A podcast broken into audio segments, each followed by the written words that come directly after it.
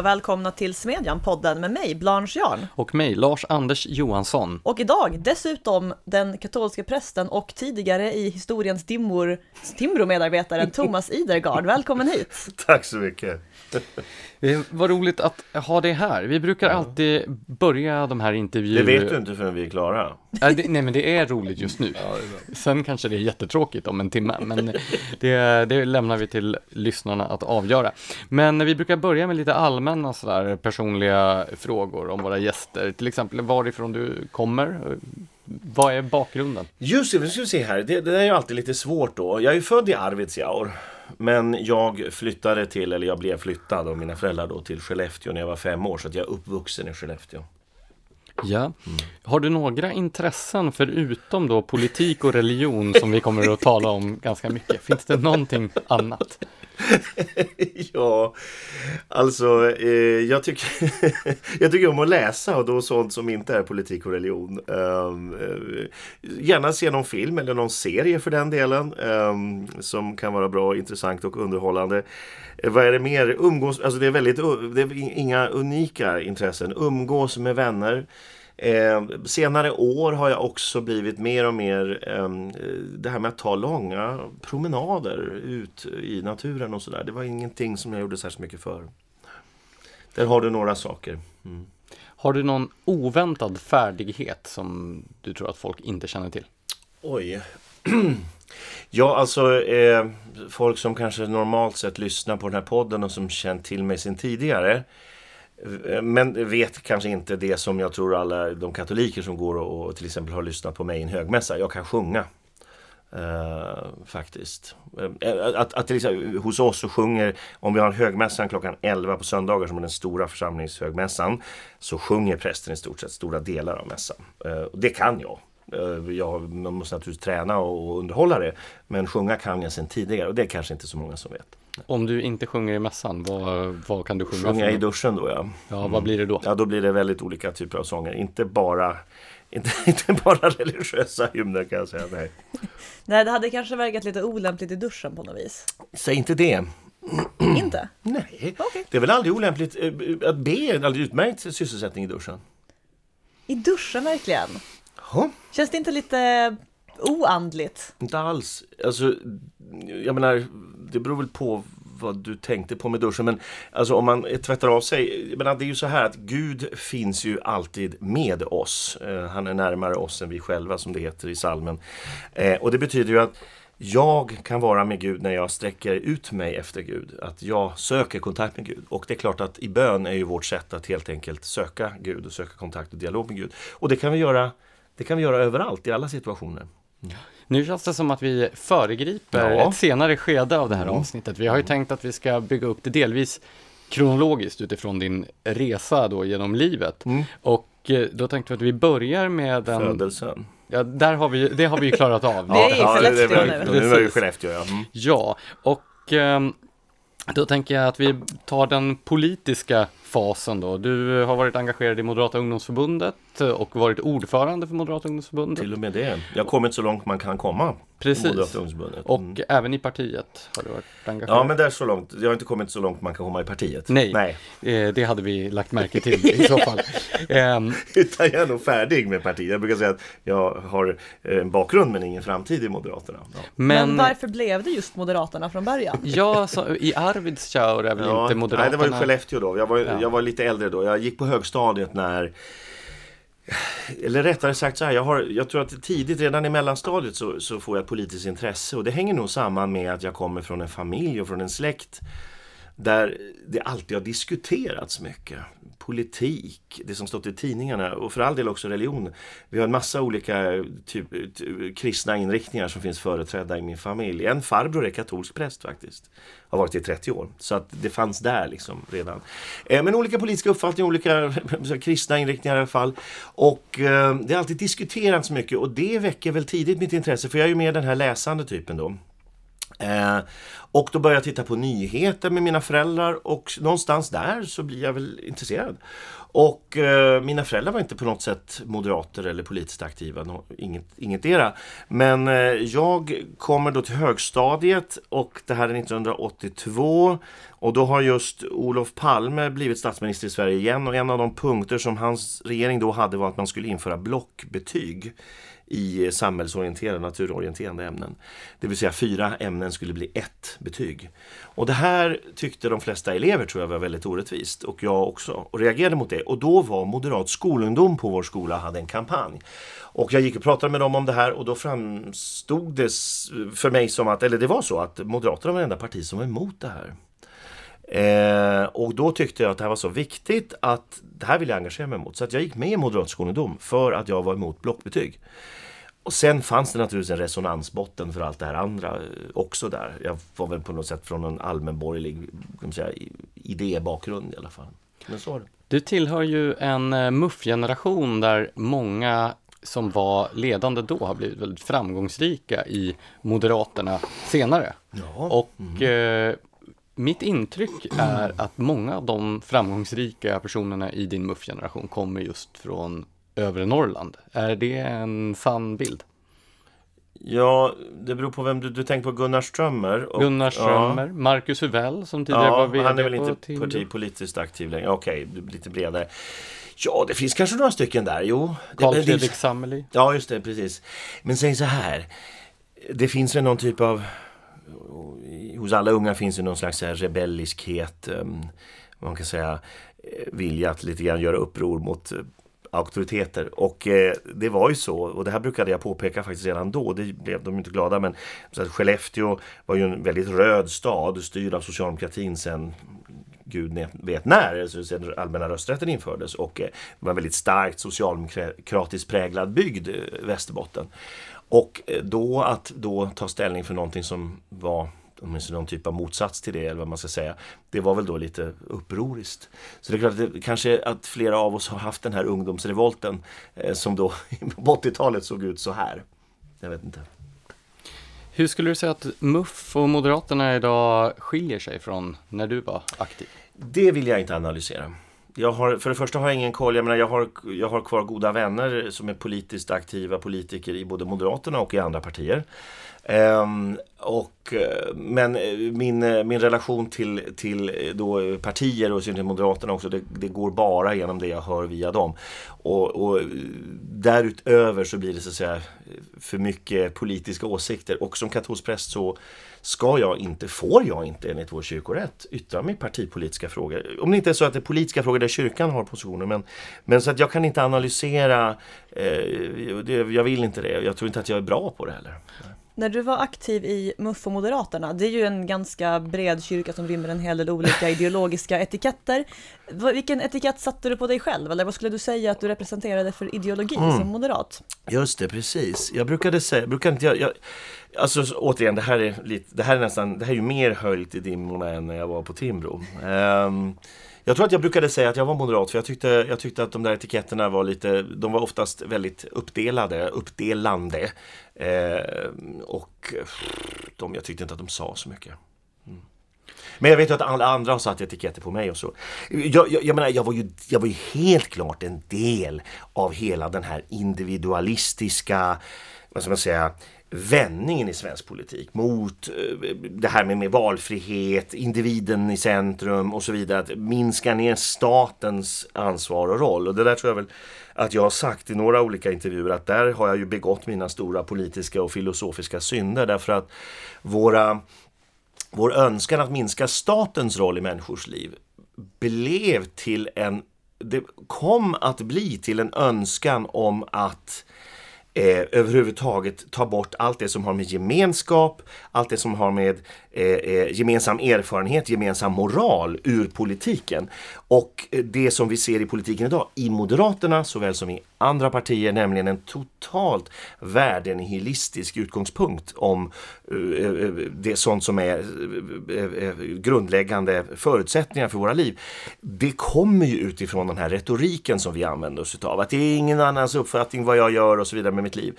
Eh, så vi kom, att, vi kom alltså att vilja kasta ut, vi kom att kasta ut barnet med badvattnet. Det är en sak att minska statens roll i människors liv, men att säga att det inte finns något som är gemensamt i människors liv, att det inte finns en sanning som jag har skyldighet att söka och försöka anpassa mig till och försöka förverkliga mitt liv. Det är någonting helt annat. Så det blev en totalt filosofisk utspårning och den är ju då hela det politiska systemet inne i och det har jag varit med och ansvarat för. Det här är jätteintressant, för ja. om man tittar på de som eh, genomdrev den här eh, vad ska man säga, liberala svängningen av eh, Moderaterna. Till exempel Gösta Boman argumenterar ju för eh, att staten är ett hot mot det civila samhället. och naturliga... mot värdena egentligen. Kan man säga. Han har en ganska konservativ om man får kalla det då och då, värdekonservativ argumentation mot den socialdemokratiska välfärdsstaten. Mm. Precis, och han är ju en av de portalfigurerna eller vattendelarna för den här liberala omsvängningen av Moderaterna. Hur kommer det sig att då i nästa skede, som man väl kan kalla din aktiva period, mm. att man då glömde bort den sidan, alltså värnandet av mm. de frivilliga gemenskaperna och civilsamhället som Boman och andra tryckte så hårt på. Ja, och inte bara civilsamhället utan också, um, också man säger så här, behovet av en gemensam moralsyn. Att lagstiftning är ett uttryck för en normering, Idag ska vi inte ha några normer alls, vilket ju i sig också är en norm, fast det begriper ju inte folk. Det har ju att göra med den oerhört dåliga filosofiska skolningen i svensk politik och svenska medier. De vet egentligen inte vad de pratar om. Men, men, men, eh, eh men i grund, jag, jag, vet inte varför, jag tror att eh, det blev en eh, viljan att tycka att eh, viljan att försöka minska på statens inflytande i människors liv och i civilsamhället går över i någon slags dyrkan av varenda sak som den fria individen gör. Så att, att man har Någonstans på vägen släpper man det här med att okej, okay, vi måste vara fria att forma våra liv. Det tror jag väl de flesta håller med om. Det bygger ju liksom demokratin ytterst på att vi har en frihet. Jag menar, återigen, Gud ger människan en fri vilja som innebär att människan också kan säga nej till Gud. Så det är inte det. Men att därifrån dra slutsatsen att allt som vi använder denna frihet med inseminerar oss här och gör ditten där och datt där. Att det också automatiskt måste vara gott. Det är ju då en moralfilosofisk dikeskörning som då liberalismen, jag, jag, tror att det blir för mycket liberalism och det är inte bara Moderaterna utan det är överallt och, och en sån här sekularistisk liberalism som tappar all förankring i frågan om vad som är sant och vad som är gott på ett objektivt plan. Men i vilken mån ser du staten som ett hot mot mer organiska gemenskaper i civilsamhället och i vilken mån ser du det som någon sorts möjliggörare? Ja, det är ju inte bara, det är inte bara svart eller vitt. Jag, jag, har inte sagt att jag ser staten som ett hot. Jag förklarar hur vi såg det då. Nej, jag menar bara i vilken mån, eftersom det låter ju som att du inte bara ser staten som ett hot. Nej, Nej, alltså staten kan väl både vara ett hot och en hjälp. Det beror väl liksom på vad staten gör. Och den här väldigt svartvita uppdelningen, stat betyder alltid ont, individ betyder alltid gott. Den, den har ju då så att säga, det var ju, det var ju så att säga en överdrift av det här sättet, de ursprungliga tankarna på någon typ av eh, frihet. Jag menar, vi pratar om valfrihet i skolan, det vi har idag. Vi pratar om fri radio och tv, som väl idag när man tittar och tittar på de här reklamfinansierade kanalerna får man väl en och annan tankställare om det var så bra ibland. Eh, men ändå, va?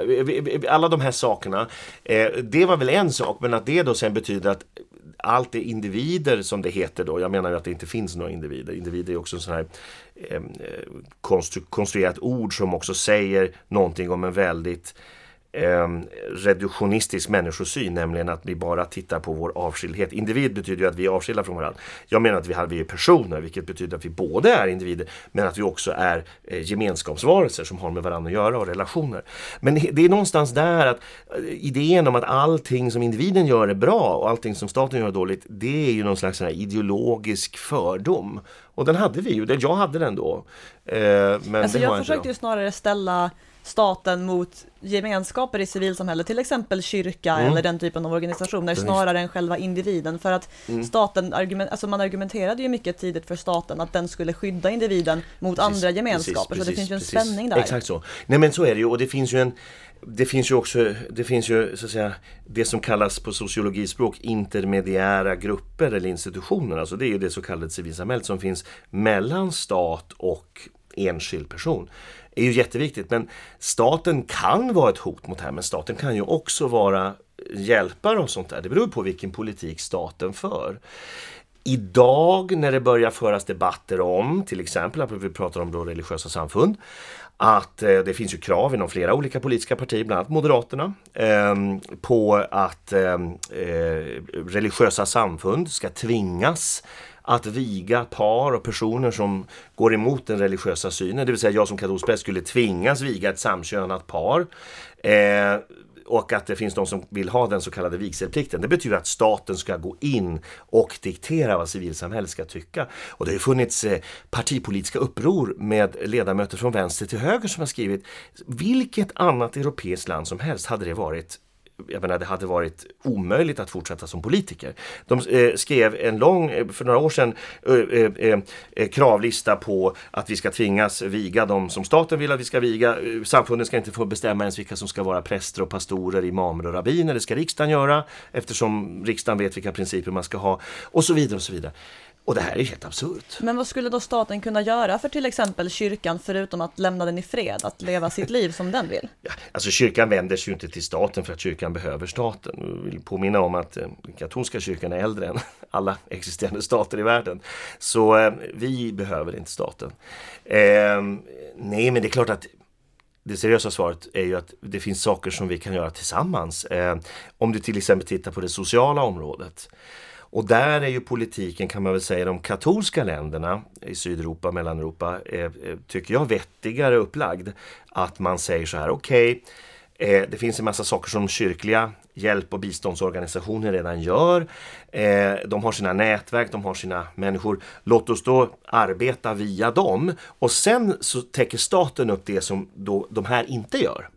Eh, och naturligtvis håller koll om de får statliga pengar så måste naturligtvis kvalitetskontroll och uppföljning och sånt finnas. Så att jag tror att i många fall när vi pratar om det sociala området så är det väl ett partnerskap mellan det offentliga och det civila samhället som, som är det vettiga. Och det, det förekommer ju med all, ska vi vara ärliga, det förekommer på många håll i, i, Sverige också. Det var ju det som var en sån här absurd diskussion i Dalarna i somras. Att någon av de Dal, några kommuner i Dalarna kom på att de samarbetar med en av frikyrkorna som då tycker att äktenskapet är mellan man och kvinna som är den kristna synen.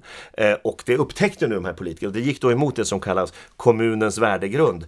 Som om nu politikerna visste vilken värdegrund alla kommunmedborgare har. Och då helt plötsligt så ville man inte samarbeta längre med de här eh, frikyrkoförsamlingarna ens när det gäller sånt som inte har med samkönat äktenskap att göra utan med rent socialt arbete att göra. Och det är ju direkt hål i huvudet av politikerna. De skjuter sig själva i fötterna. De får större egna utgifter och problem i slutändan. Du har ju under debatter på senare år varit ganska skarpt kritisk mot just liberalismen och det du kallar för en liberal moralsyn och så mm, vidare. Mm, mm.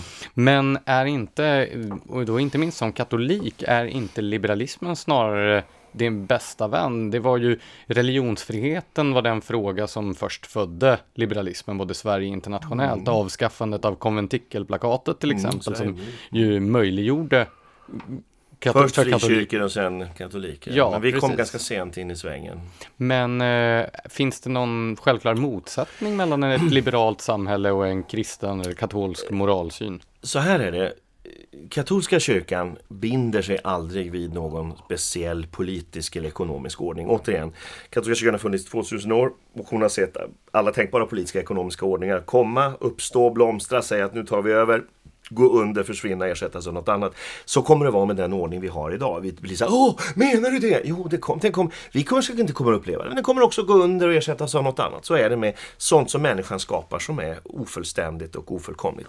Eh, så att kyrkan lierar sig aldrig med någon viss ordning. Sen kan kyrkan säga så här, av det vi ser idag så finns det vissa samhällstyper där människans värdighet som alltid är kyrkans viktigaste utgångspunkt. Det mänskliga livets, människans värdighet från befruktningsögonblicket till den naturliga döden. Där den här värdigheten minst kränks kan man säga. Eh, där den har de minst dåliga förutsättningarna att främjas. Och då är det ju av de, de liberala demokratierna av den typ vi känner idag. Sen kanske det kan komma någon samhällsordning i framtiden som gör det här en, på ett bättre sätt, men det är i alla fall så. Så att det är svaret där. Och det andra är ju att liberalismen kommer ju ur kristendomen. Um, utan kristendomen så skulle liberalismen inte finnas. Du har ju, du går ju tillbaka redan till Jesus egna ord om eh, ge till kejsaren det som tillhör kejsaren och Gud det som tillhör Gud. Det, där gör ju religionsgrundaren själv en distinktion mellan kyrka och stat i någon mening. Mellan, eh, som ju till exempel inte finns i islam utan det är ju tvärtom. Du har sen striden mellan kejsaren och påvarna på 1000-talet vem som ska utse eh, biskopar som ju grunden till det europeiska civilsamhället. Hade kejsarna vunnit där hade vi nog inte haft civilsamhället. Men där vinner påven striden, kyrkan utser sina egna biskopar och staten måste ha definierade med begränsade uppgifter. Så att mycket, mycket av de här sakerna grundlägger ju det som sen blir liberalismen. Sen slår ju liberalismen över och kommer att bli, för att liberalismen eh, först främjar religionsfrihet så blir nästa steg att man i många fall blir emot religion överhuvudtaget och har den här bisarra idén att religion är en privatsak. Att När det ska slår liberalismen över? Ja, jag är ju inte idéhistoriker men alltså jag tror att eh, Eh, när vi kommer in, alltså säg, säg under andra delen av 1900-talet tror jag att det blir väldigt påtagligt i, i, i många delar av västvärlden att det är så. Vi, innan vi går över eh, på det andra eller senare skedet av ditt liv tänkte jag bara att vi kan tala lite då om eh, din roll här på Timbro. Timbro mm. är ju också en värderingsdriven organisation snarare än en sakpolitisk organisation mm. eller en partipolitisk organisation. Så om vi börjar med så här, vad, hur hamnade du på Timbro och vad gjorde du här?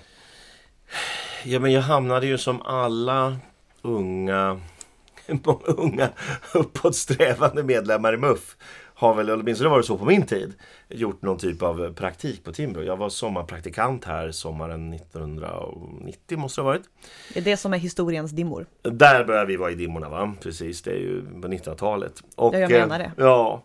Och sen så, så, så, så, gjorde jag ju så här utredningstjänst här och sen har jag varit under mina år i politik och som opinionsbildare varit knuten till olika projekt och sen kom jag hit på en deltidstjänst 2008-2009 och var ansvarig för välfärdsprogrammet som det heter då. Att vi ska driva frågan om framförallt hur att vi måste få upp en diskussion om välfärdens framtida finansiering. Så det var det som jag gjorde här. Hur ser du på Timbros position och roll i samhällsdebatten? Då menar jag inte enskilda ställningstagande utan mest funktionen som organisationen har i, i debatten. Oj, eh, jag kan inte säga någonting om den. Um, alltså jag, jag, tycker som, som person som följer med, försöker följa med den politiska debatten, den offentliga debatten i Sverige, eh, så tycker jag att man ser Timbro då och då ungefär som man alltid har gjort. Um, jag kan inte säga om den blir mer eller mindre eller så. Um, det kan jag inte säga. Jag noterar att det finns väl också även andra spelare som eh, också har mer av tankesmediekaraktär på, med andra ideologiska förtecken på ett sätt som kanske inte fanns för 10-15 år sedan. Eh, där kanske då Timbro har stimulerat ehm, och Timbros långsiktiga framgångar har väl då stimulerat kanske också andra ideologiska schatteringar så att säga, att, att, att hitta liknande sätt att arbeta. Det kan jag tycka. Men glöm inte att jag var borta från Sverige i eh, fem år. Det är en halvlång tid ändå, det hinner hända mycket och när jag kommer tillbaka till Sverige för två år sedan nu så tycker jag att det är många saker som liksom är, ändrade. Jag hade ju då följt debatten lite på, på håll. Eh, så att jag har ändå några hack där och sen är det några andra saker som jag förvånas över lite grann eh, som liksom ligger mer tydligt före. En orsak till att du lämnade Sverige var ju att du tog den för en tidigare MUF-ordförande lite udda vägen och blev jesuitpräst. Men mm. för att börja lite mer från början, mm. hur, eh, hur, när blev du katolik? Mm. Jag, eh, det var faktiskt när jag var här på Timbro. Um, jag hade börjat innan. Jag, jag, någonstans där, säg att jag, jag konverterade till katolska kyrkan, en process som var där någon gång 2007-2008. 2008 till 2009 var väl intensivfasen så det tog väl det året. Um, var du troende kristen innan? Ja, det var jag. har en kristen bar, med mig en barnatro hemifrån. Eh, mina föräldrar var pingstvänner. Jag växte, eh, så jag brukar säga, jag föddes in i pingströrelsen. Jag växte upp i Missionskyrkan. Vi var med där när jag bodde i Skellefteå. Jag sjöng i kör och så. Och jag bestämde mig då för att konfirmera mig i Svenska kyrkan och då behövde jag döpa mig för jag var inte barndöpt. Och jag blev döpt av min, eh, dåvarande, eller min farbror som då var präst i Svenska kyrkan och som bara några månader efter dopet av mig, det hade inte med dopet av mig att göra. Eh, men ändå hoppade av och konverterade och blev katolik och sen sedermera blev katolsk präst. Så det var också så. Så det är väl min bakgrund så. Så jag har haft med min tro. Sen hade jag många år, eh, de här åren jag var i politiken, då jag inte praktiserade min tro utan eh, som jag brukar säga att jag trodde att jag var Gud själv. Jag behövde ingen Gud i mitt liv. Och eh, sen så känner jag och erfar en, en, en dragning tillbaka till tron och stegvis går det och jag börjar, börjar gå i Svenska kyrkan igen och, och erfar ingenting där, det vill säga jag får ingen som helst näring för min tro. Jag ville bygga då en vuxen relation till Jesus Kristus som jag hade så att säga, som en barnatro till. Och jag får ingen som helst hjälp och då börjar jag inse att orsaken till att jag inte får någon hjälp är ju att hela reformationen, det som kallas reformationen, var ju fel. För den kapar en massa band mellan, mellan den troende och kyrkans läroämbete som, som Jesus faktiskt har inrättat. Kyrkan är mer en samlingsplats än, än att den är inbrytningen av det heliga som också ska dra mig in. Jag börjar förstå att jag har en syn på sakrament, helgon som är katolsk. Och då eh, måste jag ju, tycker jag, av, eh, eh, helt enkelt för, för mitt samvetes skull utreda om det kan vara så att jag är katolik. Så att jag börjar ju läsa då katolska kyrkans katekes och sen så hoppar jag då in i ett sånt där konvertitprogram som då var hos jesuiterna i Sankta Eugenia församling där jag då råkar vara präst idag. Här i Stockholm alltså? Ja, här i Stockholm. Precis. Och hur går det till då? Det är väl en ganska utdragen process? Ja, precis. Men alltså jag kom ju till en eh, jesuitpater då som eh, inte längre är verksam hos oss som eh, som ju då förstod att jag hade klar för mig hela, så att säga, eller hela, det låter ju som att jag var något under, men jag hade liksom klart för mig de grundläggande dogmatiska eh, klossarna i den katolska tron. För det är alltid viktigt att tron har ju två dimensioner. Du har ju den, alltså tro att någonting är sant och vad är det då som är sant? Och då, då kommer ju trons dogmer och doktriner, något som väl idag är fula ord. Eh, men det är ju så att jag dockar ju in i något som är mycket större än mig själv. Det finns mycket som är tänkt, som går sammantaget och enskilt går långt utöver det jag själv kan tänka. Så att, att docka in i det, att förstå det, det är ju den ena aspekten, den kognitiva aspekten av tron. Och säga att jo men visst, det här tycker jag också låter rimligt. Eh, och sen finns det en aspekt av tron som då är den som kallas fiduciella, alltså tilliten. Att jag tror också på någon, i det här fallet då Jesus Kristus. Eh, och de här två sakerna går ju ihop då för en kristen. Att, att, att eh, det, det jag håller för sant om Kristus hänger också samman med att jag verkligen tror och litar på honom, att han är Gud som har blivit människa. Och jag hade den här första delen men sen så förstod jag nog att den här jesuitpatern tyckte att jag inte hade den andra delen. Så att, och det var ju riktigt. Så att jag gick då in i en sån här grupp och vi höll väl på då där 2008-2009, träffades varannan måndag och eh, hade andliga övningar i vardagen. Väldigt mycket av den här jesuitiska spiritualiteten. Alltså att betrakta mitt liv med Guds ögon och att se både hur Gud har verkat i både det som har varit mörkt och verkat ha varit frånvarande där han har verkat ha varit frånvarande. börjar förstå att han har hela tiden jobbat även här fram till den punkt där jag är idag. Att försöka analysera sig själv med Guds ögon och sitt eget liv. Det eh, tränades ju jag då i kan man säga och det blev då min, eh, jag brukar kalla min, först min intellektuella omvändelse och sen omvändelsen med hela min person. Eh, där jag börjar förstå att jag är ju syndare men jag är en förlåten syndare och just för att jag är förlåten syndare så vill Gud också att jag, genom mig nå andra.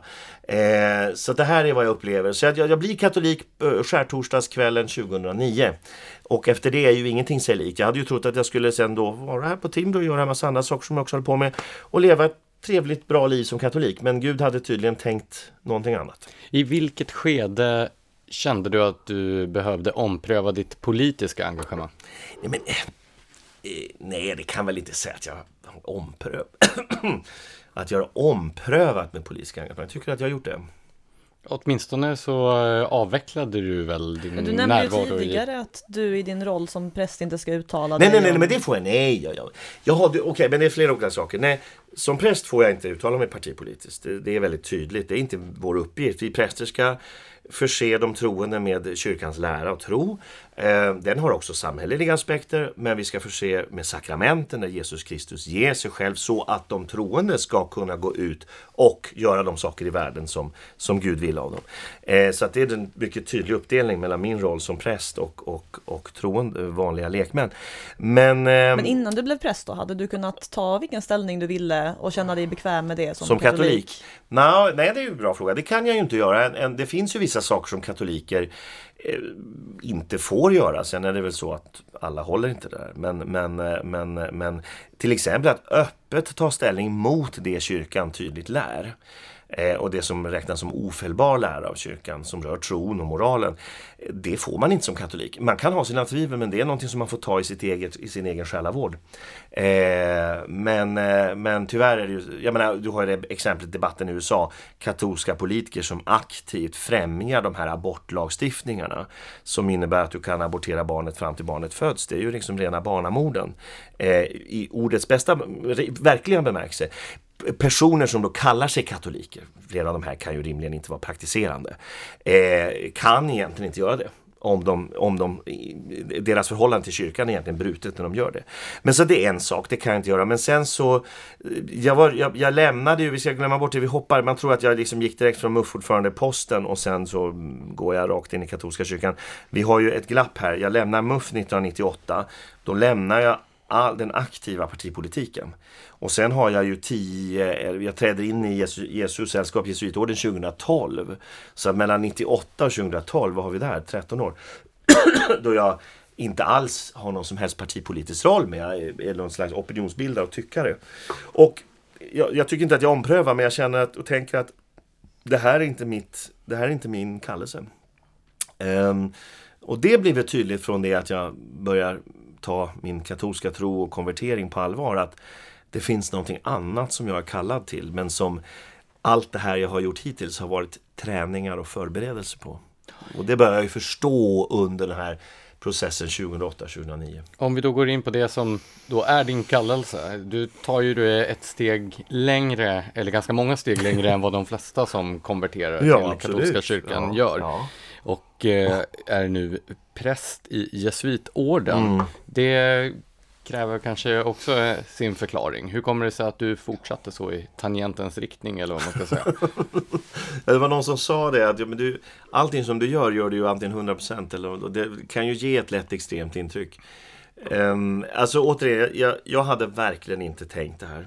Um, om någon hade sagt om någon hade sagt till mig när jag klev in här för att börja jobba med välfärdsprogrammet, det var i januari 2008, att eh, sen kommer det att gå typ 11 år och så kommer du sitta här och bli intervjuad för då är du katolsk präst. Då hade jag sagt att personen i fråga är knäpp.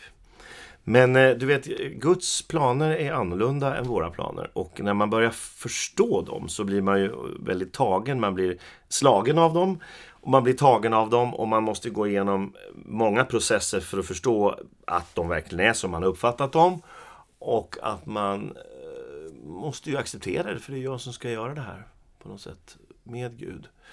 Så eh, eh jag det, det, det händer ju under min tid när jag konverterar. Det är väl en av de här sakerna. Det finns flera händelser där som jag, som jag då tycker är lite omskakande men som jag sen och som jag håller tillbaka för mig själv. Den, den, den jesuitpater som jag sen kom att gå till som blev den som tog upp mig i kyrkan, som blev min biktfader, första biktfader, som blev en god vän, pater Erwin Bischofberger, som också var professor i medicinsk etik på Karolinska institutet många år, tyvärr dog alldeles för tidigt. Eh, han tar ju det här på allvar. För till slut så berättar jag för honom, jag har ju undertryckt det här under ett års tid, att jag har haft de här tankarna om att det finns någonting annat för mig i det här. Och när han hör det så tror jag att han blir väldigt förvånad också. Eh, men sen tar han det på allvar och så sätter han då mig att du ska du, sätter han igång ett program för mig, då ska du åka på den reträtten och göra det där och det där. Men alltså det var framförallt det som jag berättade för honom då där 2009 någon gång i början av året innan jag skulle då göra min generalbikt och bli upptagen i kyrkan det var ju då att jag tyckte att när vi pratade med varandra i den här gruppen som gick och konverterade tillsammans, vi var väl en 12-13 stycken, eh, av olika åldrar och så, men alla var väl liksom eh, 35 plus. Eh, så tyckte jag att de andra menade att nu när de skulle bli katoliker så tyckte de att allt, massa andra saker i deras liv föll på plats. Alltså deras tillvaro som familjefar, familjemor, eh, deras professionella saker. Allt fick så att säga en djupare mening med det här jag upplevde att allt jag höll på med, bland annat Timrå, inte för att det var dåligt i sig, men att allt jag höll på med inte alls var så viktigt. Det var det som jag tänkte och kände. Och då började jag tänka, men vad är det som är viktigt? Ja, det är ju att få ge det här som jag nu har fått vara med om, ge den här insikten att eh, eh, Gud verkar alltid i våra liv, även om vi inte ser det. Och när vi börjar upptäcka det så förstår vi hans kärlek till oss, att det vi det i oss som vänder oss bort från honom, det som är synd, det vill han förlåta, försonas med och sen vill han att vi ska försöka eh, få andra att också se det här. Det börjar jag inse att, men vänta nu, det här är ju kanske en livsuppgift att göra. Och så börjar jag tänka på mitt liv, hur det ser ut. Omständigheterna hade gjort så att jag hade ingen familj.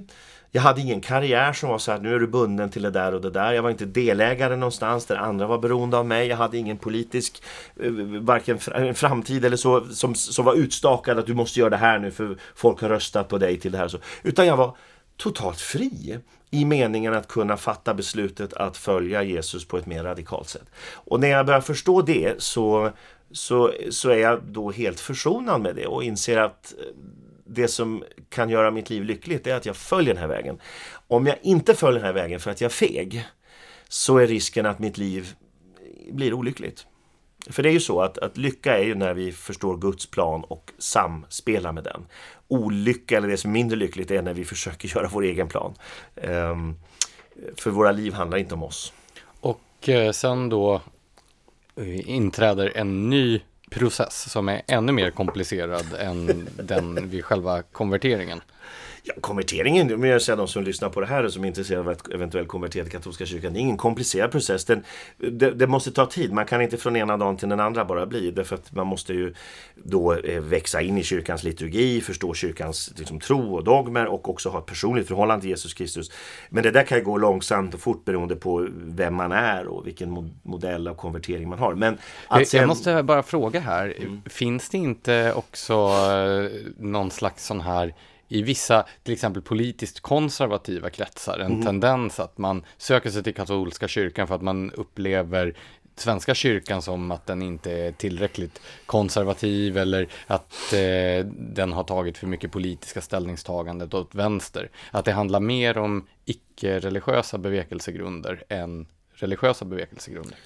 Ja, det beror på hur du definierar konservatism också. Va? Det är ju det är en bra fråga. Men, men, men så här när människor kommer och vill bli katoliker så är det ju oftast att de lämnar någonting och då, då finns det ett moment av att det här vill lämna jag och då måste man också eh, vara klar på varför lämnar du det här och så för att det hänger då ihop med uppfattning om det som man kommer till.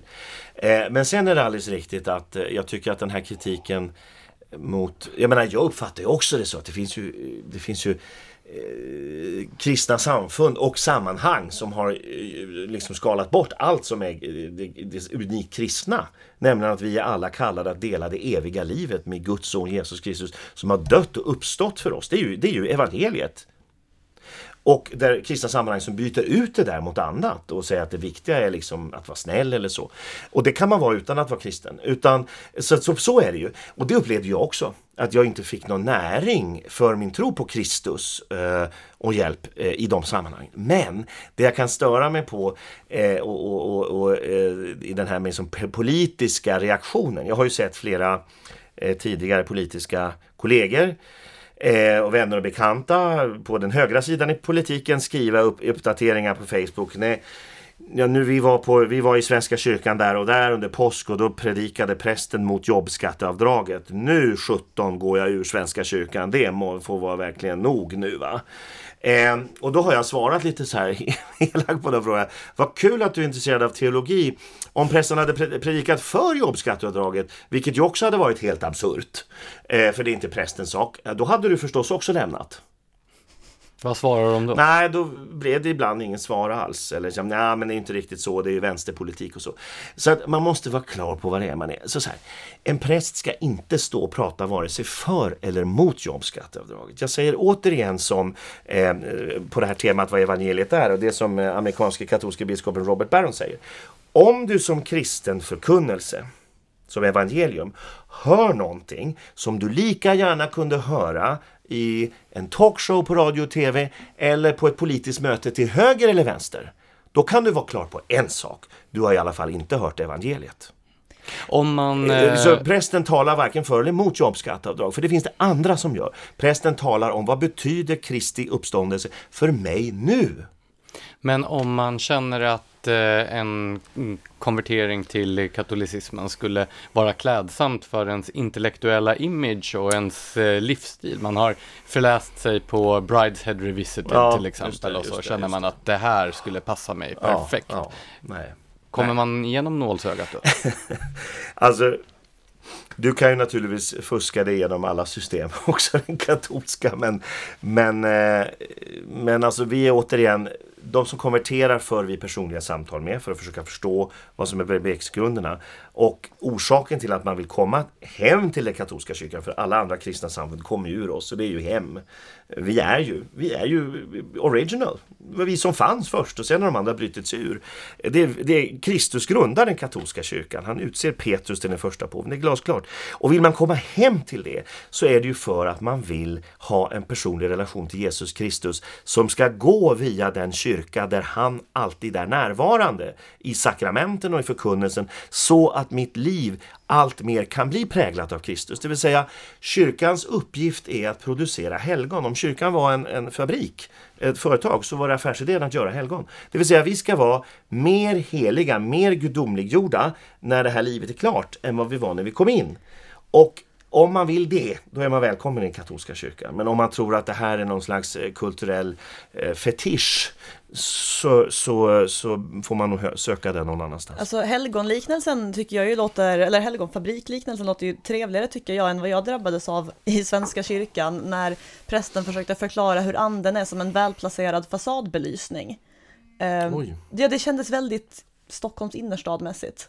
Eh, och det var, ja, nej, det var lite märkligt. Sen började folk rappa och då fick jag också den här känslan av att Svenska kyrkan inte känns så seriös. Och det är den känslan jag vet att många som har konverterat till katolicismen som jag har pratat med mm. har sagt var ja, men grunden till en konvertering. Mm. Och det är ju inte att jag har läst Bridesheads Revisited och vill liksom leva i någon slags engelsk 1800-tals romantik. Men nej. är exemplet helt taget i luften? Nej, nej alltså, det är inte alls fel att ha läst den. Det är inte alls fel att känna att, att, att det finns en intellektuell tradition som jag kan docka in i. Men återigen, för att det när min tro.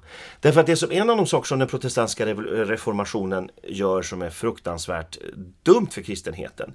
Vi pratade om det just innan vi satte på mikrofonen. Det är ju att den kapar bort hela förnuftsdelen ur tron. Ehm, man åtskiljer tro förnuft. Där har man ju hjälp då av liberalismen och upplysningen som ju kommer ur den katolska tron men som går bananas och börjar slå emot sin eh, pappa och sin mamma. Va? Ehm, där man tror att men det här är någonting som inte har med varandra att göra. Och den där strikta uppdelningen mellan tro och förnuft den är tyvärr en protestantisk eh, uppfinning som då eh, får oerhörda konsekvenser därför att om Gud har skapat oss med våra förnuft så är det ju väldigt dumt om de skulle leda oss bort från Gud. Det vore en väldigt konstig konstruktör. Rimligen har han skapat oss med våra förnuft för att också de ska hjälpa oss att upptäcka honom.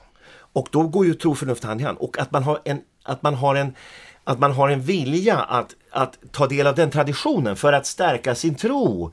Det är ju någonting helt annat. Så visst vet jag katoliker som, som, som tycker om de här sakerna men det är inte för de sakerna som de har blivit katoliker. Så, nu måste vi gå tillbaka till ja, eh, då, din, ehm, eh, då, ditt engagemang in i jesuitorden. Vi kan mm. väl börja med frågan, vad är jesuitorden? Ja, det är A.k.a. som det heter va. Eh, den, kallas, den heter Jesus sällskap, Societas Jesu. Alla katolska ordnar har latinska namn eftersom det är kyrkans officiella språk. Och det förkortas SJ och därför så har vi som jesuiter i, inom katolska sammanhang eh, ett SJ bakom våra namn. Det har du på eh, Facebook? Här. Ja, det har jag på Facebook. Och det är mest också för att människor i den katolska världen ska kunna hitta varandra. Jag kan hitta de som är OP-are, det vill säga dominikaner, eller OFM-are, det vill säga franciskaner, eller SI-are som är jesuiter.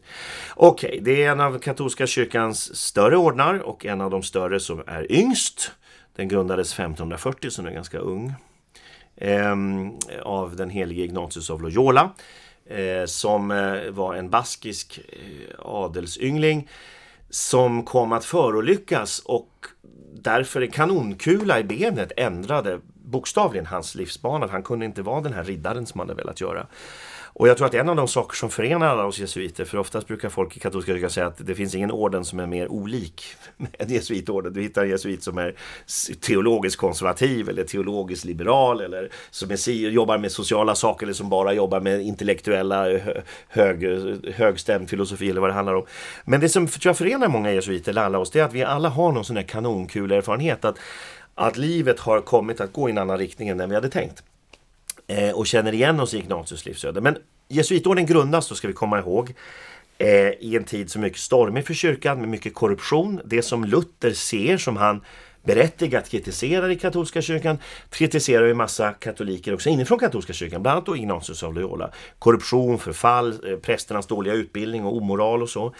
Eh, men om Luther drar slutsatsen att det är fel på kyrkans struktur eller kyrkans lära Eh, och så blir det en historia för sig, så drar Ignatius slutsatsen att nej, det är fel på människors tro. De tror för lite, de tror inte på det här. Vi har alla skatter, vi har kyrkans synliga struktur som Jesus har gett den med, med biskoparna, påveämbetet, vi har kyrkans lära, tradition som är överförd generationer.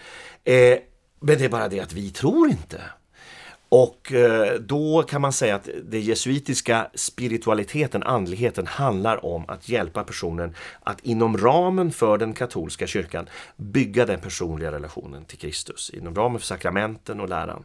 Eh, och jesuitorden får då snabbt uppgiften, för att de här är lättrörliga de här killarna, Ehm, de svär en lydnads, ett lydnadslöfte. Vi har ju som ordensmän eh, löfte om fattigdom, kyskhet och lydnad som munkar och nunnor också har och andra ordensgemenskaper. Ehm, Vilket och, av löftena är svårast? Ja, får jag komma tillbaka till det. Men, ja. men, men, det som, det som, det som, det som de, jesuitorden också har en särskild lydnad till påven och det gör då att jesuitorden blir eh, en del i den katolska reformationen efter då den protestantiska, nämligen att man upprättar prästseminarier och man försöker börja höja den intellektuella och andliga kvaliteten. Så vi jobbar med utbildning, vi jobbar med eh, universitet och forskning och vi har tidskrifter och medier. Det är så att säga ordens speciella karaktär. Utöver att vi också då är präster och, och sköter församlingar. Vad var det du ville veta? Vilket ordenslöfte som är svårast? Ja. Alltså jag tror att det är lite grann eh, beroende på vem man är då. Ja men för dig då? Ja, eh, jag tyckte svårast, det, det, är väl så här att man kommer in och har levt ett, ett mer, kanske ett halvt liv. Jag var ju 40 plus när jag trädde in. 42 så ehm, har man väl ehm, eh, 43 var jag, så har man väl en eh, man har vant sig att leva sitt liv som man själv vill. Eh, så jag skulle säga lydnaden, det här med att jag inte längre själv bestämmer över min egen framtid. Du frågade ju när vi kom in här hur, hur vi bor och så. Jag bestämmer inte var jag ska bo, var jag ska vara. Jag kan ha önskemål naturligtvis, men eh, jag bestämmer inte det själv. Ehm, och en massa... Men det har fallit ut ganska bra. Jag tänker vid Kungsträdgården är det ju inte så många som har möjlighet att Det är nog rätt många som hade Nej, gjort en del för en ja, sån precis. Bostad. Precis, men ska veta, det som då är det mindre flashiga vid Kungsträdgården är att det finns inte så många hushåll där. Det är typ bara vi. Och det gör ju att när du har fönstret uppe på sommaren, när det är varmt, då har du antingen Berns sidan som jag bor mot eh, terrassdiskot där inne i rummet. Eller så har du Café Opera-sidan som jag bodde mot förr. Då har du det terrassdiskot inne i rummet. Så det är inte bara flärd och flash att bo där. Utan, men det är naturligtvis väldigt bra läge. Så jag skulle säga lydnaden, när man, när man, när man träder in i en orden så sent som jag gör i livet så tror jag lydnadssidan är den svåra. Eh, jag vet ju att när jag tog mina ordenslöften så hade jag medbröder som var betydligt yngre. Eh, mellan 20 och 30 var det några stycken. Och eh, för dem var ju kyskheten och då tror ju alla liksom, Åh, det är för att man inte får sex. Nej, den saken tror jag alla förstår att det är ganska många andra människor som inte är ordensmän eller ordenskvinnor som inte har sex heller. Det är ju mer det här med att, eh, att man inte kan ha familj. Att man bestämmer sig, man utesluter att man ska kunna vara gift och att man ska kunna få barn. Och det tror jag då om man är i lite yngre ålder så är nog det det stora den stora svårigheten med ordenslöftet. Är inte tanken att orden, eller ordenssällskapet liksom ska ersätta familjen på något sätt eller fylla lite samma funktion både i ens liv? Och, både och. Det är ett stöd och vårt sätt att leva tillsammans är en vittnesbörd om eh, Guds kärlek och godhet. Så ska det vara. Det är ju samma sak som äktenskapet mellan man och kvinna. Blir i sig ett vittne om Guds eh, bindning till, till sin skapelse och sitt människoblivande. Eh, men, men det kan aldrig ersätta och det är också viktigt. Det, det, det, det, å en sida så speglar det och har vissa gemensamma gemensamma funktioner men det kan ju aldrig ersätta och ska inte ersätta heller. Det är ju ofta så att en av de saker som vi testas för när vi träder in och när vi så att säga, formeras i ordenslivet det är ju vilken utsträckning som eh, vi skulle vara säga, socialt störda så att vi inte skulle kunna få fru och barn. Och av det skälet tänker jag att men då hänger jag på här så att jag får någonting på något sätt. Det är inte en bra, det är inte en bra grund. Jag kan inte vara ensam liksom, förstår du? Det får inte vara en grund. Eh, eh, utan utan eh, det, det, det, det, det kollas man för. Mm. Vad hemskt, så de personerna har ingenstans att ta vägen? Visst är det orättvist?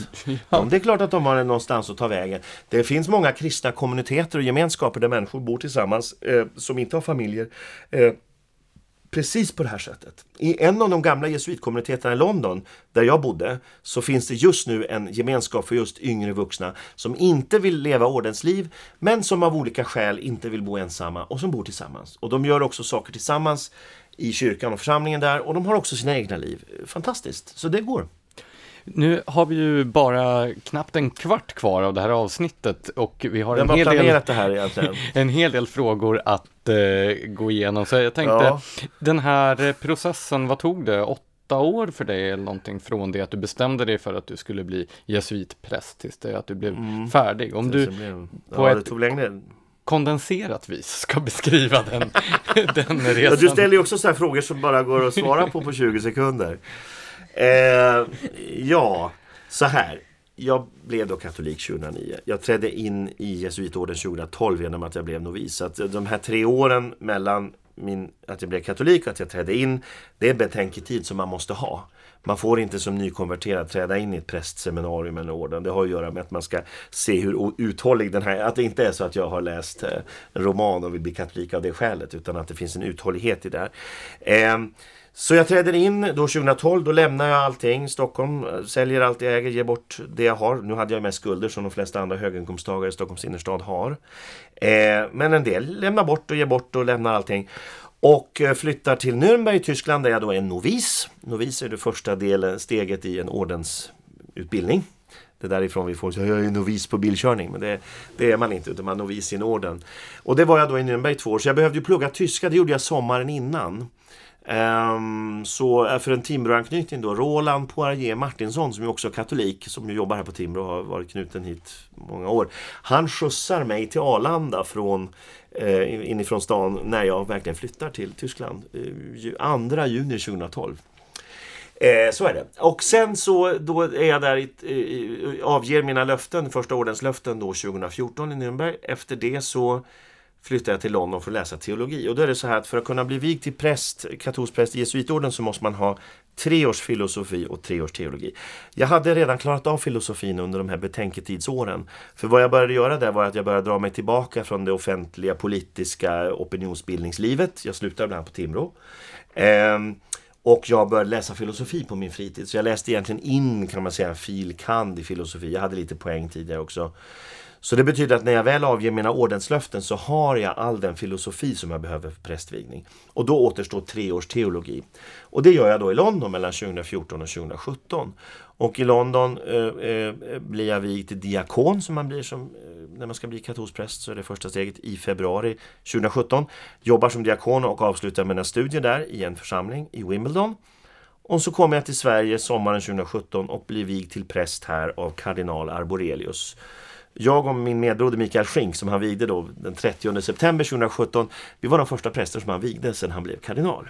Ja, ja men det var föredömligt koncist. Ja, det är ändå jag. ganska många år där som man ändå rackar av. precis. Men du säger att du först då drog dig tillbaka från samhällsdebatten mm. under den där processen. Mm. Men man kan ju säga att sen du då kom ut i din nya roll så har det ju verkligen synts och hörts i samhällsdebatten. Är det här då en uppgift som du har i din roll i orden? För det är ju inte så att jesuiter annars står som spön i backen i tv-soffor och podcasts och sådär. ja, det är väl kanske för att ni inte upptäckt det. Jag har många medbröder som har mycket kloka saker att säga, betydligt klokare saker än jag. Eh, så ni borde höra av er till. Men är Men, det ett uppdrag du har? Uh, ja, jag säger så här. Jag ju, det är väl delvis har blivit så. Jag har, jag har, dels är jag knuten till vår tidskrift Signum. Det är jesuiternas tidskrift, en katolsk kulturtidskrift i Sverige. Och till vår högskola Newman-institutet där jag jobbar lite grann med just våra externa kontakter och nätverk kan man säga. Det som är icke-akademiskt. Och eh, i den rollen, eh, inte minst Signum där jag har skrivit mycket på nätet i vår nätupplaga, så är ju min uppgift att verkligen utåt eh, eh, ge perspektiv på samhällsfrågor med ett katolskt, filosofiskt och teologiskt eh, teologisk utgångspunkt. Eh, så på så sätt så har du väl då sett mig i samhällsdebatten. Sen har jag då började jag väl då under studietiden lägga ut grejer på Facebook och det där har sen vuxit. Eh, och jag har flera gånger tänkt att det här tar så mycket tid. Ehm, jag lägger ut eh, mycket katolska och eh, filosofiska och teologiska uppdateringar, approach, eh, aspekter av det som händer i samhället. Eh, och eh, det tar mycket tid och det har vuxit lite grann och orsaken till att jag låter det ta tid idag är för att jag når ganska mycket människor så. Jag får oftast väldigt mycket feedback som inte syns där men som syns direkt till mig på människor som har läst och som på så sätt återupptäckt sin tro eller blir intresserade av katolska kyrkan och det kan vara överallt i Sverige. Eller bara eh, vanliga kristna som inte är katoliker som säger att tack vare att du lägger ut en del av dina eh, betraktelser och predikningar så har jag börjat läsa Bibeln igen eller gå i kyrkan igen och det behöver inte vara katolska kyrkan. Och det, när man får den typen av feedback så förstår man att okej, okay, det här är ju förmodligen vår tids gatupredikan. Och en av de saker som tidiga jesuiterna är kända för i slutet på 1500-talet, början på 1600-talet, det är att de ställer sig i gathörn och predikar rakt upp och ner. Och det är väl det jag då gör på Facebook. Så jag återanknyter till en gammal jesuitisk tradition där. Finns det för få religiösa företrädare i den svenska samhällsdebatten? Nej, men det finns för få katolska. Är inte katoliker ganska överrepresenterade i samhällsdebatten jämfört med andra grupper? Tycker som... du? Är det inte många intellektuella och så i offentligheten som har en sådan kulturredaktörer och annat? Ja. Vi, vi, vår förre biskop eh, Hubertus Brandenburg brukade säga att katolska kyrkan är överrepresenterad i Svenska Akademin och på fängelser. På fängelser? Andelen katoliker är större där och, och i Svenska Akademin. Eh, Hur går det med helgonfabriken egentligen? Jo, den är, och det är inte givet att det i Svenska Akademin då blir helgon. Utan det är i fängelset. Det kan vara, i fängelser har du omvändelser. Nej då, eh, jag säger så här, jag, det här med religion, eh, min, min, min, lilla, min fråga till dig var kanske lite så här provokativ därför att jag tycker att vi ska sluta prata om att det behövs mer religion och säga att som jag tycker det behövs mer kristen tro och mer synliga kristna och katolska företrädare. Religion i allmänhet behöver inte vara bra. Det finns mycket dålig religion. Uh, Roland Poirier Martinsson som du nämnde tidigare, mm. han har ju uttryckt, jag kommer inte ihåg exakt hur han formulerade det, men det var någonting om att eh, islam är en rännil av friskt vatten i Sverige. För att det då, det var bättre än den här sekulariserade då, synen som råder. Delar du den uppfattningen? nu ska du inte ställa Roland mot mig här. Ja, så här, jag, vet, jag, jag tror att det, kontexten Roland sa det här var väl kanske också eh, eh, eh, för att ställa vissa saker på sin spets i en del av det sekularistiska. Det är alldeles riktigt, han har rätt i den meningen att när vi har en öppenhet för det transcendenta, för att det är inte vi som skapar och garanterar oss själva, Eh, ni har ju titlar på böcker här på Timbro där människan skapade världen och sånt där. Det stämmer ju inte. Eh, människan är en skapelse själv, delar skapelsen. Eh, så att söka det som skapar, eh, det, det, ställa frågan om Gud är helt enkelt i sig gott. Eh, eh, men sen kan den leda till olika uttryck som inte alls är goda. Och det finns mycket i islam som jag tycker är problematiskt. Mm. Men om du nu menar att det behövs mycket mer, eller mer kristendom i den svenska debatten och ja, samhället och så. Ja. Skulle det då räcka med så här protestantisk kristendom? För det är ändå den vanliga kristendomen här? Eller nu, finns det ja. så stora motsättningar mellan katolska och protestantiska värderingar att du inte riktigt skulle vara nöjd? Nej, Nej numera är den vanliga, men det var ju inte alltid så. Sverige var ett väldigt katolskt land där fram till 1600-talet. Det tar dessutom tid innan det här har satt sig eftersom reformationen i Sverige är ett politiskt projekt, apropå staten. Um, Nej, jag tycker det är bra med kristna företrädare, skämt åsido. Och eh, när det gäller, vi har, alltså, vi har ju olika, det finns skillnader mellan de kristna samfunden och med katolska kyrkan. Men det finns också likheter. Och på de punkter där vi är gemensamt, och det gäller inte bara kristna, det gäller också andra religiösa företrädare. Där vi har gemensamma intressen och driver gemensamma frågor så ska vi naturligtvis göra det. Eh, och jag menar idag finns ju en allt större värdegemenskap kan man säga mellan en del frikyrkliga inriktningar av kristendomen och den katolska kyrkan. Inte minst i synen på det kristna livet, på, på helighet. Alltså om du pratar om familjen, livets värde, människovärdet och så vidare. Så är det ju eh, snarare en rörelse där, där och inte minst har kardinal Arborelius själv jobbat mycket, mycket aktivt med det närmandet och det tycker jag är bra. Så att vi kan göra mycket saker tillsammans. Men orsaken till att jag tycker att det behövs mer kristen närvaro det är ju att eh, vi måste komma ihåg i detta eh, tidevarv där det pratas mycket om värdegrunder, att det inte är en kommunal beslutsprocess. Utan värdegrunden är det filosofiska klimat i vilket vissa typer av samhällssystem uppstår. Och där är det ju otvetydigt så att den västerländska demokratin och marknadsekonomin med alla deras brister, eh, trots att det uppstår i ett samhällsklimat där det finns ett antal kristna förutsättningar. Människosyn, eh, syn på etik och så vidare som är kristen. Och det är det här vi glömmer idag när vi tror att det är kommunerna som bestämmer värdegrunden. Och därför skulle jag vilja se fler kristna företrädare som lyckas knyta ihop det här med också den kristna tron och med Kristus. För till slut så är det så att visst, du kan vara kulturellt kristen, men i slutändan måste du till slut ändå ta ställning till Kristus. Var denne person som levde i, i världen för 2000 år sedan, som sa att han var Gud, hade han rätt? Och då ändras ju allt, också i mitt personliga liv. Eller var han en lögnare eller psykopat? Då kan man inte ens säga så här, jo men det fanns ju fina värderingar och han sa fina saker om fred och så. Då måste ju allt han sa falla. Och den där frågan om Jesus Kristus kommer vi till slut inte undan och den vill jag ha fler företrädare som också är med och, och ställer och formulerar. Jag tänkte att vi ska skapa lite dålig stämning här på slutet genom ja. att diskutera lite moral och eh, politiska sakfrågor. Eh, Timbro har ju bland annat då gett ut eh, rapporter om dödshjälp, mm. om att människor ska ha rätt att låta avsluta sina egna liv. Och det här mm. är ju mm. en fråga där du inte delar rapportförfattarens ståndpunkter. Absolut inte. Varför ska man inte ha rätt att avsluta sitt eget liv? Man har ingen sån rätt. Man måste först, om man, om man hävdar nu att vi har en sån rätt måste man bevisa det. Det har de här inte gjort. För Det är ett allmänt liberalt blablatugg. blabla-tugg eh, som inte har någon som helst filosofisk konsistens.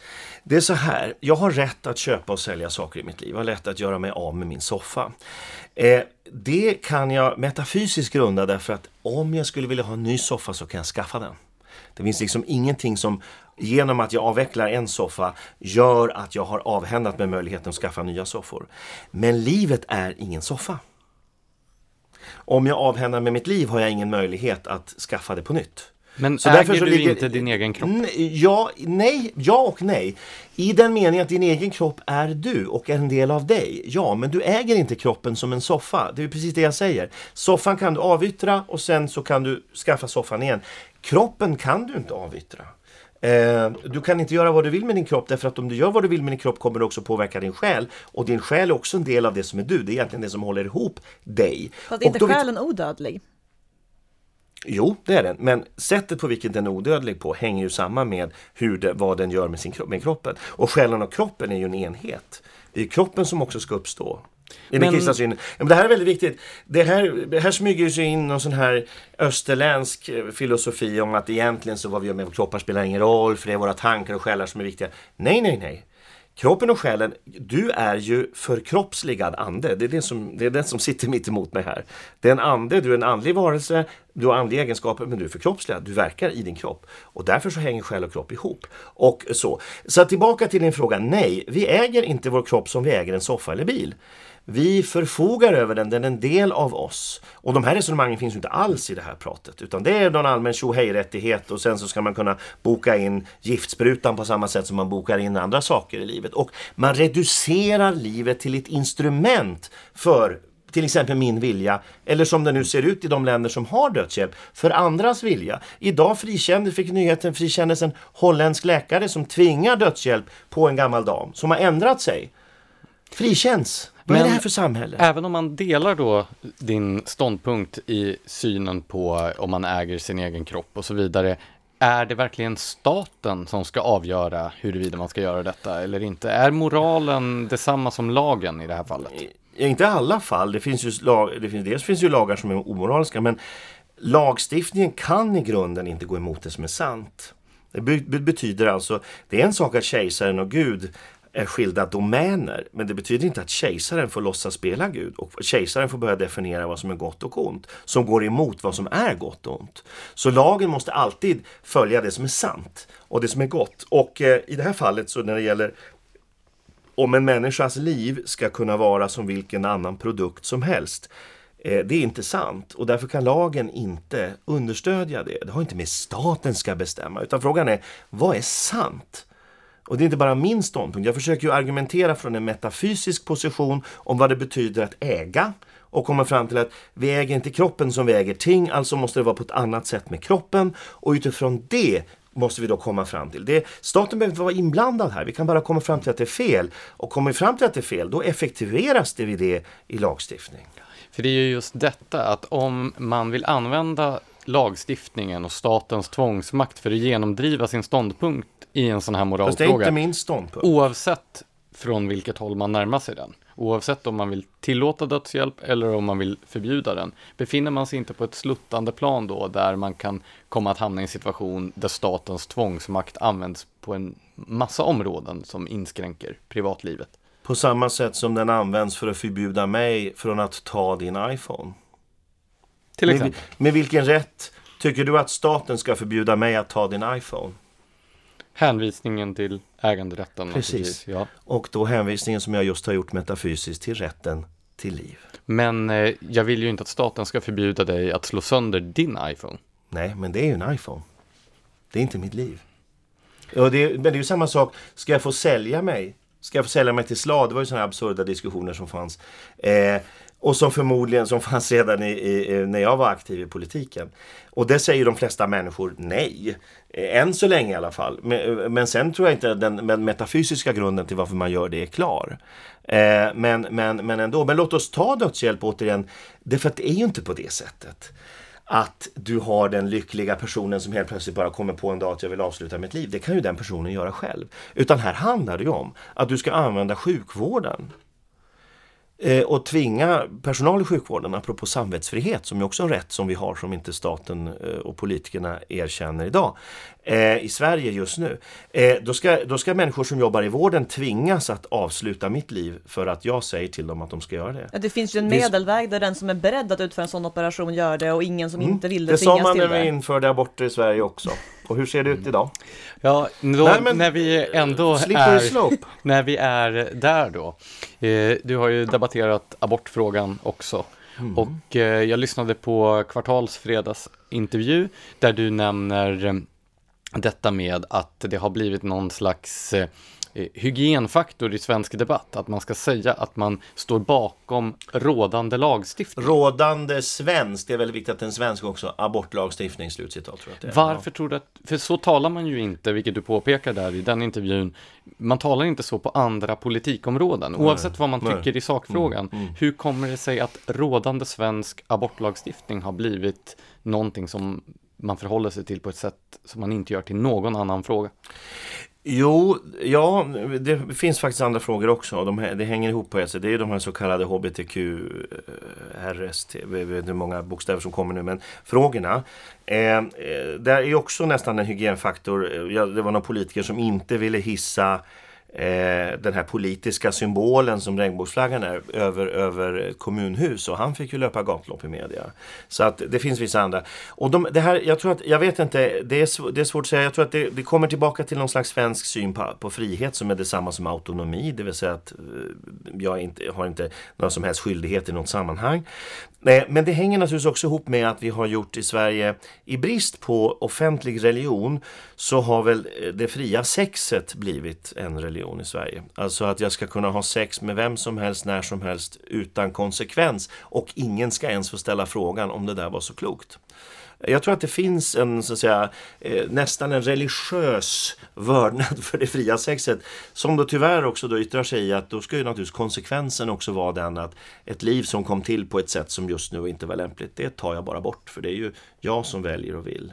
Eh, och egentligen den samma, samma som i dödshjälpsfrågan där som ju då inte berör de sakerna men, men det berör livet men inte, men inte, men inte sex. Det är ju mera att eh, Eh, att det är känslor, eh, känslor och egen vilja som totalt styr och därmed egentligen Nietzsches förutsägelse. Alltså det, det, det, fascistiska samhället kommer inte att införas med, med lustiga diktatorer, löjliga diktatorer i uniformer. Utan det kommer att införas med en total liberal ordning där vi vid våra köksbord har friheten att också bestämma över liv och död. Där kommer utsorteringssamhället ut. Alltså, okej, okay, dementa är jobbiga, det kostar pengar för vården, ge dem giftspruta. Kalla det frivilligt. Eh, eh barn med Down syndrom vill vi inte ha, det är jobbigt att ha, då aborterar vi. Så att det fascistoida samhället kommer att genomföras eh, i liberalismens namn, i frihetens namn och med den teknik som ah, man, när den kommer alltid säger att men var och en måste ju få välja. Och jag vill inte ha det samhället. Därför att jag tror på någonting som är mer grundläggande, nämligen att människan bara genom att hon är människa har ett värde och rättigheter som börjar med rätten till liv. Du kan inte ha rätt till iPhone om du inte har rätt till liv först. Okej, tredje fråga där du är på kollisionskurs med då den konsensus som råder, eller värdegrunden. Ja. Eh, och inte bara jag, det, alltså, jag formulerar ju uppfattningar som ganska många människor har, det ska vi komma ihåg. I Stockholms innerstad tror vi att alla tycker som på Twitter och så, men det är ju inte så. Varför är det ett problem om eh, samkönade par får adoptera barn? Alltså, du ställer frågan som om det är, vore eh, så självklart. Så här, när vi pratar om adoptioner så måste vi ju ställa oss frågan vad är det vi vill ge barn? Jo, vi vill ge dem de bästa förutsättningarna att växa upp som de inte kunde få eftersom de nu är, är, är så att säga del av, av en adoptionssituation. Och vad är det bästa som barnen kan få? Det finns flera saker. Kärleksfullhet, trygghet, materiella grundvillkor. Men också, och det vet vi genom psykologin, psykologiska forskningen, anknytningen till en mor och till en far. Eh, och då är det så att eh, adoptioner, frågan om barns tillblivelse handlar inte om de vuxna och deras önskemål. Vi kan respektera vuxna människors önskan efter barn, det är en stark drivkraft. Och vi kan sörja med de som inte kan genomföra den önskan. Men det är inte i centrum. Vad de vuxna människorna vill är inte i centrum, utan i centrum är vad som är bäst för barnet. Men om det nu finns föräldralösa barn, även om man menar att det är bäst med en mamma och en pappa, ja. om det nu finns till exempel två mammor, då är ju det, antar jag, bättre än inget i alla fall. Ja, men det där är också en, ställer upp liksom en falsk motsättning, därför att det är ju så här att det finns ju idag eh, betydligt fler eh, par som vill adoptera än vad det, i världen än vad det just nu finns barn som eh, är möjliga att adoptera. Och eh, eh, målet med adoptionen är ju återigen att ställa sig frågan vad, vad är det bästa vi kan ge de här barnen? Och då är inte utgångspunkten vuxnas längtan. Eh, det är av det skälet också som du kan ha flera andra situationer när det gäller adoptioner som jag är tveksam till. En vuxen man ska inte kunna adoptera ett barn ensam, eh, till exempel. Varför eh, inte då? Nej, och tillbaka till att vi ställer oss frågan vad är det bästa för barnet? Vad är det barnet behöver? Och den här idén om att bara för att den vuxna definierar sig som en bra förälder och som kan ge barnet allt det bästa, att det är det enda kriteriet. Det är ju det som är så urspårat i den svenska diskussionen, att man inte ens ställer frågan om barnet och vad barnet har möjlighet och rätt att få. Men skulle inte allt det här också kunna användas som argument mot heterosexuella pars adoption? Det kan ju också vara jätteolämpliga föräldrar och det går mm. också runt och längtar efter barn som de kanske inte Visst, kan få. Fast du lyssnar inte på vad jag sa. Jag sa ju att det finns några djupare psykologiska saker, nämligen att ett barn behöver växa upp med en nära eh, manlig och kvinnlig förebild. Och då är det inte bara morbror och moster och så, utan då är det så att det är det allra bästa. Sen finns det många barn som inte gör det som klarar sig bra ändå. Det är inte det. Men frågan är när vi med lagstiftning som rör inseminationer och adoptioner, när vi ska normera en situation, för det är det man gör med lagen. Även de som tror att de är normkritiska har ju lagar som normerar. Eh, så är frågan, vad är det vi normerar? Normerar vi redan från början någonting som faktiskt inte eh, är att ge barnet de bästa förutsättningarna? Men Även om man... Så det är inte de vuxnas rätt, det är också barnets rätt. Och det glömmer ni när ni argumenterar från den här eh, utrerade liberala positionen att det är mina känslor och min vilja. Men även om man har den här uppfattningen, är mm. det verkligen statens uppgift att reglera detta? Okay. Så, ytterst är det så Gud, den gudomliga eh, ordningen som ytterst egentligen talar om för oss vad som, är, vad som är rätt och sant och så. Men vi människor måste ju på något sätt omsätta det här i. Och då har vi ju organisationsformer för att sätta upp våra gemensamma normer i samhället som då idag råkar heta staten. Men om du vill kalla det någonting annat så får du göra det. Den gemensamma, samhällsgemenskapens lagstiftande gren eller regelsättande myndighet är ju den som som, som grundlägger. För jag misstänker att du tycker att vi ska ha eh, lagstiftning om äganderätt och andra sådana eh, rättigheter. Eller ska det också vara upp till eh, den fria marknaden med den starkes rätt att bestämma vem som till slut äger? Det tror jag inte du tycker. Och därmed så säger du så här, varför skulle du då ge upp den gemensamma regleringen av det som är till exempel rätten till liv eller rätten på vilket ett barn, eh, ett barns rättigheter att växa upp. Och en av orsakerna till att, eh, till att Sverige fortfarande har eh, konventioner kring FNs barnkonvention. Vi vet att FN-konventioner brukar allmänt ha högt värde också i den här tankevärlden.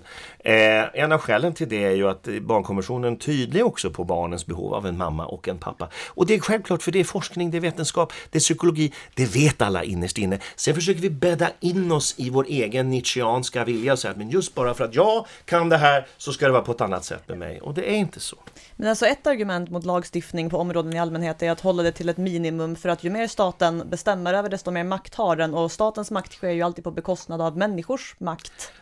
Ja, och igen... om man talar om det civilsamhällets makt och de frivilliga gemenskaperna. Så det är ju ett argument för att undvika reglering. Fast så här är det ju, med all respekt. Även om du ska tillåta abort så ska du ha en massa lagregleringar. Och nu finns ju de här absurda idéerna om att det ska tillåtas uthyrning av livmödrar också. Eller fast det ska vara då på, på i eh, altruistiskt sägs det. Och då när man hör politikerna som vill ha det här surrogatmödraskapet. Då säger de, åh det här måste utredas och det måste utredas. Och vi kommer att få ett regelverk som skapar den här totala nietzscheanska friheten friheten, autonomin som i slutändan landar på ditt bord och din skattebetalar, din, skatt, din plånbok med ett sånt här mycket tjockare regelverk än vad som fanns innan det där ens var tillåtet. Jag vill vara tydlig med att jag aldrig har tagit ställning för statliga utredningar. Det är jättebra, men jag säger så här att du kan inte stifta lagar. Så de här, de här som säger hej tjo vad det går frihet, här kan jag välja vad jag vill med andras liv och mitt eget liv och så vidare. Eh, kommer att kräva så mycket lagreglering av en massa gränsfall att you ain't seen nothing yet när det gäller den stora, stora staten. Mm. Ja, vi börjar bli tvungna snart att då eh, avrunda detta. Ja.